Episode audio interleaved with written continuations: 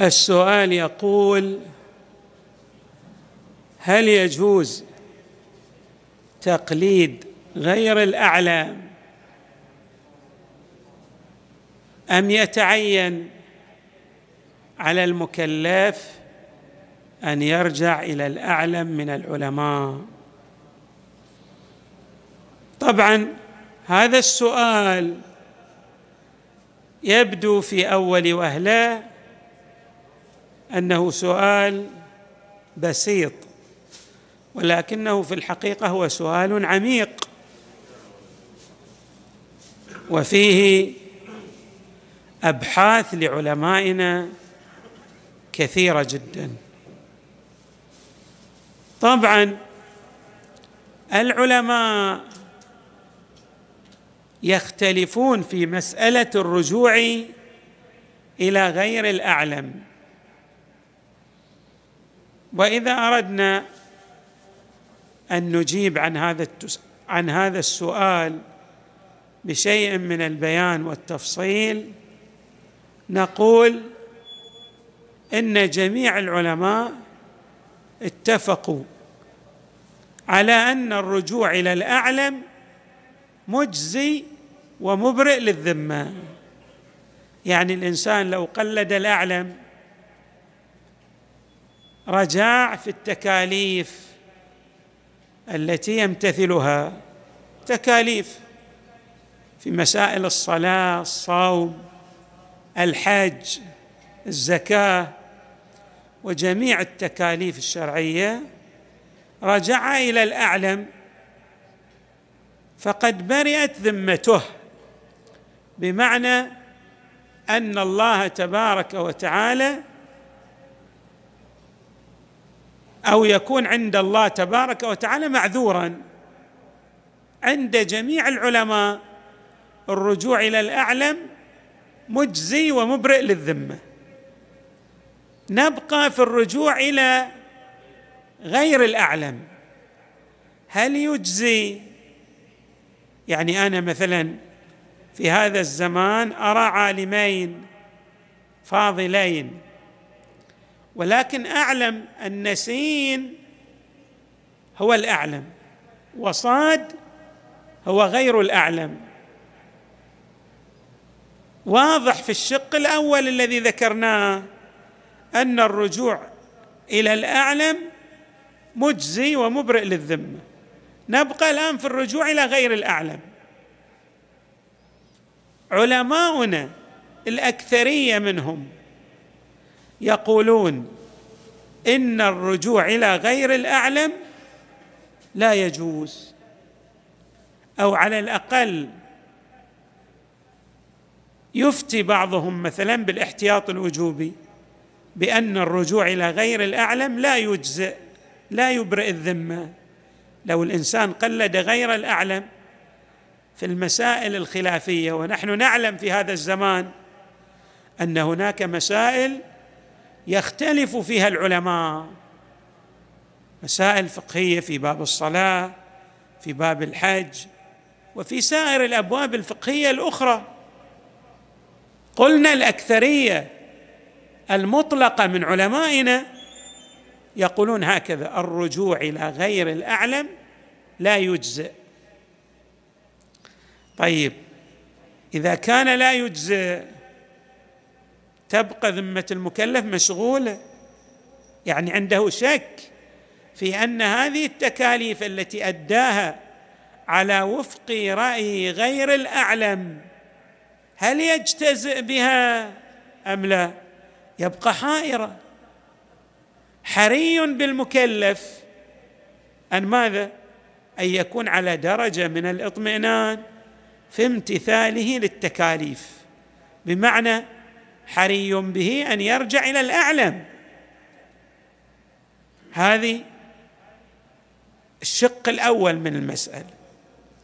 طبعا علماؤنا بالخصوص السابقين منهم يعني المتقدمين اتفقت كلمتهم على تعين الرجوع إلى الأعلم.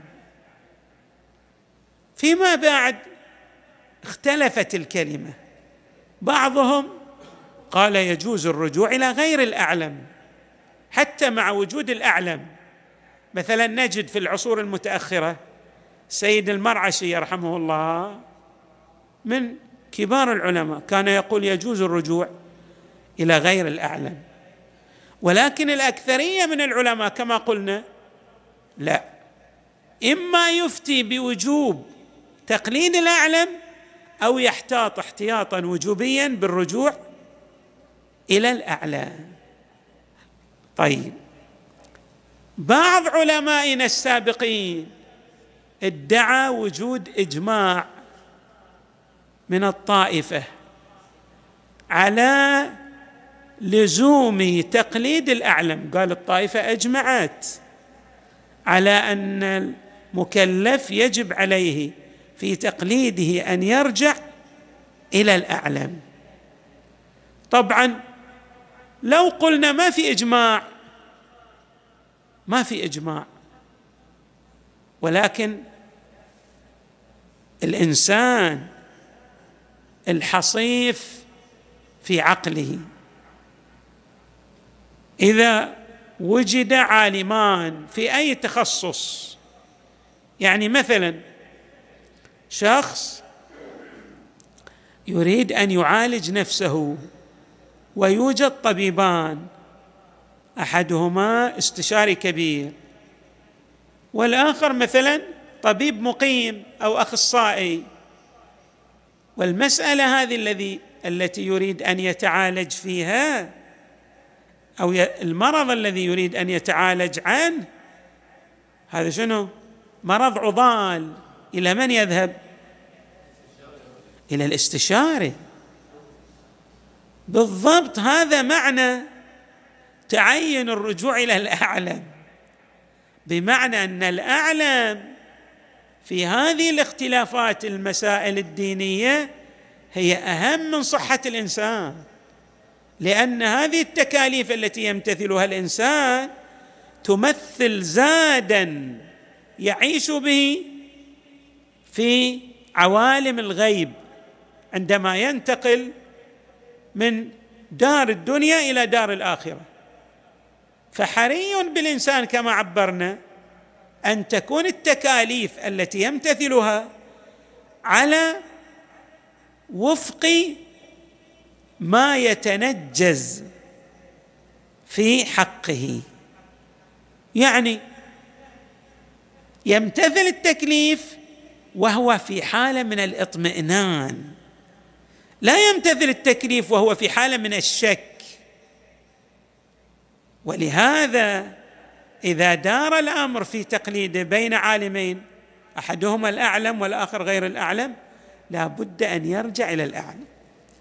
بالإضافة إلى ذلك من يقول بتقليد الأعلام عنده أدلة في الحقيقة قوية جدا. كما ذكرنا من الأدلة هذا الدليل الذي ذكرناه هذه سيرة العقلاء في المسائل الهامة ومسائل الدين أهم من الهامة. عندما يختلف مثلا المختصون في أي مجال من المجالات نرجع إلى الاعلم من المختصين اللي نعبر عنه بالخبير. ولا نرجع إلى الأقل خبرة. مسائل الدين الأمر فيها كذلك بل هي أهم من مسائل الدنيا بكثير من المرات. فإذا السيرة العقلائية التي يسير على وفقها الناس وهذا العرف ببابك كما نعبر تقول لا بد من الرجوع إلى شنو؟ إلى الخبير. عند الاختلاف كما في الطب مثلا. نرجع إلى ماذا؟ الأكثر خبرة. الآن أريد أن أجري عملية جراحية قلب مفتوح مثلا. وأنا أعرف جراح ماهر. أجرى مثلا عشرات العمليات وشخص جديد. هذه العملية الأولى. إلى من أذهب؟ إلى الجراح الماهر. إلى الخبير إلى الاستشاري الكبير هكذا الأمر بالنسبة للمسائل التكليفية في عالم الفقه. بالإضافة إلى أنه يوجد عندنا رواية أو أكثر من رواية في مسائل الاختلاف صحيح. هذه الرواية واردة في مسائل شنو؟ القضاء. عندما يختلف العالمان في الحكم. تبعا للاختلاف في الروايات الواردة عن الأئمة عليهم السلام. السائل يسأل المعصوم عليه السلام يقول بمن أعلم أعمل بأي الرايين الإمام يقول خذ بقول أفقههما وأعدلهما. شوفوا هالرواية صحيح هي واردة وين؟ في باب القضاء بس ما في فرق بين القضاء والمسائل الفقهية الأخرى. صح قد يقال إن القضاء يعني الخصومة ما تنتهي إلا بالرجوع إلى الأعلم.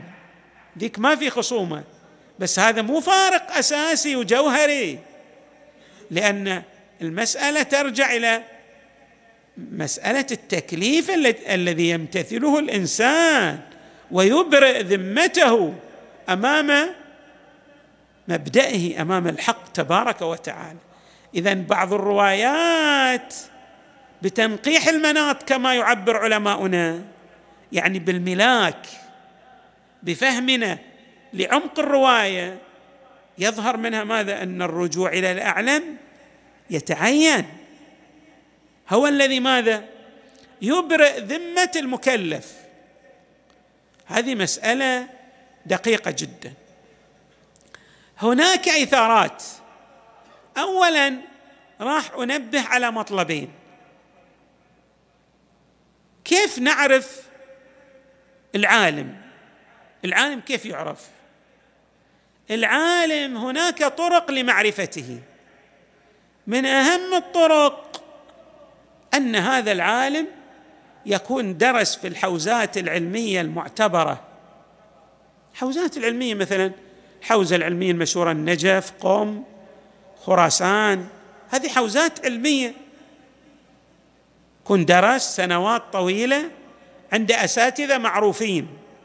لما نذهب إلى أساتذته للسؤال عنه يقولون نعم هذا حضر أبحاثنا وهو من التلامذة الذين كانوا يتقنون المسائل ولهم ماذا؟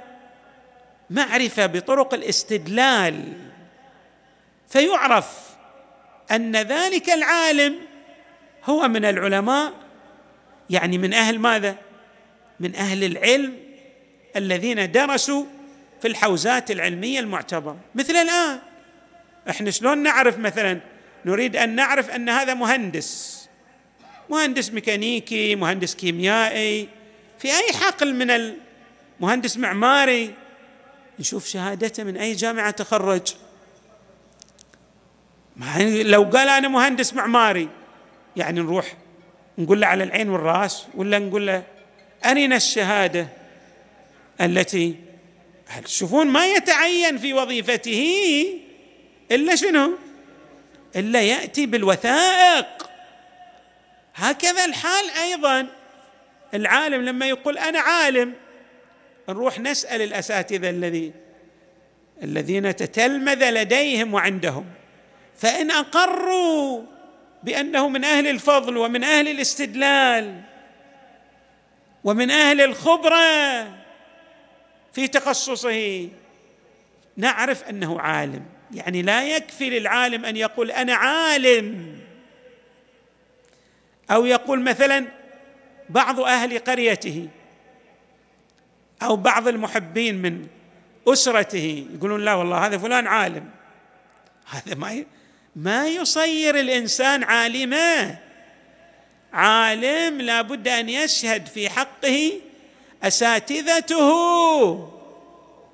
ويقولون إنه درس عندنا سنوات طويلة وقد عرف المسائل عن طريق الاستدلال عن طريق المعرفة التي يتوصل إليها العالم من أهل الخبرة. فنعرف أنه عالم. أو طريق ثاني نشوفه يدرس مثلا يدرس الأبحاث العلمية الدقيقة.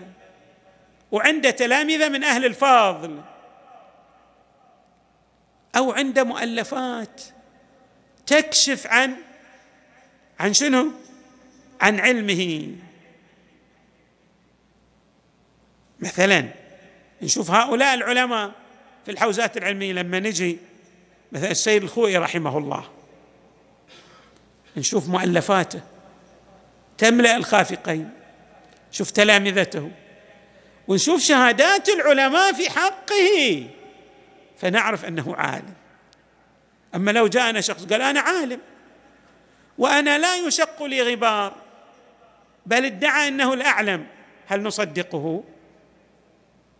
هذا ليس بسديد ليس بصحيح. لا بد أن نعرف أن ذلك عالم من سؤال المتخصصين الأساتذة. نقول له أين درست؟ ونروح نسأل لنتعرف. نشوف مثلا عنده إجازات تدلل على اجتهاده وعلمه. شوف مصنفاته في الأصول والفقه والتفسير وما إلى ذلك. نقول والله هذا عالم.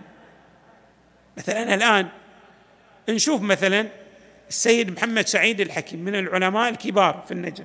شوف له مؤلفات في الأصول. في الفقه. نشوف له تلامذة. نشوف أيضا شهادات العلماء. في حقه نعرف إنه عالم.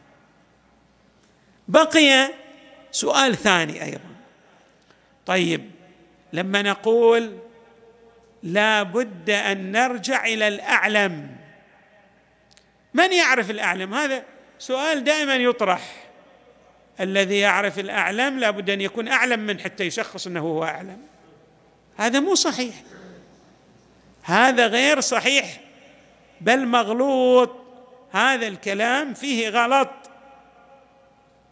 مو اللي يعرف الاعلم لابد يكون أعلم من. الآن شوفوا التلامذه مثلا يدرسون في الجامعات يعرفون الأستاذ الماهر عن غير الماهر وهم أقل علم من الأساتذة. أليس كذلك؟ هذه المسألة قريبة من الأمور البديهية. التلامذة الذين يدرسون من أهل الفضل عند العلماء هم يطلعون على أبحاث هؤلاء العلماء ويتعرفون على المباني ويجدون أن هذا العالم هو أدق من ذاك العالم في الاستنباط. هذا العالم هو أكثر إحاطة بالمسائل العلمية. هذا العالم عنده ابتكارات وآراء جديدة. هذا العالم عنده مؤلفات لأهل الاختصاص. هذا العالم جمع بين عدة مزايا فلذلك من خلال جمعه لهذه المزايا المتعددة أصبح يشار إليه بالبنان كما نعبر. يعني أصبح يقال إنه الأعلم. طبعا هنا حري أن أنبه. لما نقول يجب الرجوع إلى الأعلم في كل عصر نجد أن الأعلم يعني يدور الأمر في بين ثلاثة أربعة خمسة ما يتعين الأعلم في واحد. وهذا لا بأس به بل هذه ظاهرة صحية. يختلفون في تقليد الأعلم بس الأعلم والله عندنا مئة شخص كل واحد يشار له. لا الأعلم في دائرة محصورة. فإذا كان الأعلم في دائرة محصورة طبعا عندنا اختلاف. هناك ولعلي أشرت لهذه المسألة عند اختلاف الفتاوى لهؤلاء الذين بلغوا إلى الرتبة العالية في العلم اللي ناس يقولون هذا أعلم. مثلا عشرة من أهل الخبرة يقولون سين أعلم. عشرة من أهل الخبرة يقولون صاد أعلم. عشرة من أهل الخبرة يقولون شنو؟ لا جيم أعلم. لا بأس. قد تكون هذه الشهادات هذه مو شهادات متضاربة في الحقيقة. هذه مثل الآن ما نذهب إلى المستشفيات. أنا شخصيا كنت أريد أن أجري عملية جراحية. وسألت يعني سألت من كبار الاطباء سألت عن أفضل الاستشاريين في إجراء هذه العملية الجراحية. شخصوا لي أربعة. يعني ناس قالوا سين ناس قالوا صاد ناس قالوا جيم ناس قالوا دال. هذه ظاهرة صحية في كل مكان. طيب عند اختلاف الفتاوى ذكرنا قسم من العلماء يقولون الإنسان يتخير في الرجوع إلى أي واحد من هؤلاء العلماء لأن كل واحد مثل ما نعبر بلغ الدرجة العالية من العلم. فمن الواضح يقولون المكلف يصبح ماذا؟ يختار. وهذه فتوى مشهورة عند اختلاف المجتهدين مع التساوي في الفضيلة يعني كلهم بلغوا الدرجه التب مثل ما نعبر. الدرجه العالية من العلم المكلف يتخير بين هؤلاء المجتهدين الذين يختلفون. وفي قسم من العلماء كالسيد الخوئي رحمه الله مثل ما ذكرنا في البحث السابق يقول لا يتعين الأخذ بأحوط الأقوال. بس هذا طبعا الأخذ بأحوط الأقوال في حرج. في شنو؟ عسر على المكلف. فالرأي الصحيح هو أنه عندما يختلف هؤلاء العلماء في ال يعني ما ي... عندما يختلف أهل الخبرة في تعيين الأعلم ويدور الأمر مثلا بين ثلاثة أو أربعة أو خمسة كل واحد يشار له بالبنان فش نسوي؟ يصير المكلف في هالحالة مخير في الرجوع إلى أي واحد من هؤلاء مثل الآن المسألة التي ذكرتها أنا عندما قيل لي هناك أربعة. كل واحد هو الاستشاري الأفضل في إجراء هذه العملية الجراحية المعقدة. أنا شخصيا اطمأننت إلى واحد منهم وأجريت العملية عنده. بس مو معلوم إنه هو الأفضل الأفضل من البقية. قد يكون الكل فعلا متساوي أو قد يكون الاختلاف. كل واحد يختلف عن الآخر في حيثية خاصة. كما الآن بعض علمائنا مثلا أكثر مهارة في الرجال. بعضهم أدق في علم الأصول. بعضهم أكثر إحاطة بالمباني. بعضهم عنده شيء من الابتكارات. لا بأس. في هذه الاختلافات اللي نسميها اختلافات من الحيثيات المختلفة. يعني الله تبارك وتعالى جعل مثل ما نعبر بعض الناس يحتاج إلى بعضهم الآخر. ما خلى واحد هو مجمع الكمال المطلق. الكل يحتاج إلى غيره. والعلم يتطور. تعدد العلماء أو الاختلاف في التشخيص لا يعني التعذر عن تشخيص الأعلم ابدا وإنما يعني أن الأعلم يدور في دائرة محصورة وبالتالي الرجوع إلى أي واحد من هذه الدائرة مجزئ ومبرئ للذمه على الرأي المشهور. الرأي المشهور أن الرجوع إلى واحد من هؤلاء اللي كلهم في مرتبة الاعلميه أي واحد نرجع إليه منهم؟ مجزئ ومبرئ للذمه وهناك رأي للسيد الخوي رحمه الله يقول أن نأخذ بأحوط الأقوال. وصلى الله وسلم وزاد وبارك على سيدنا ونبينا محمد وآله أجمعين. الطيبين الطاهرين.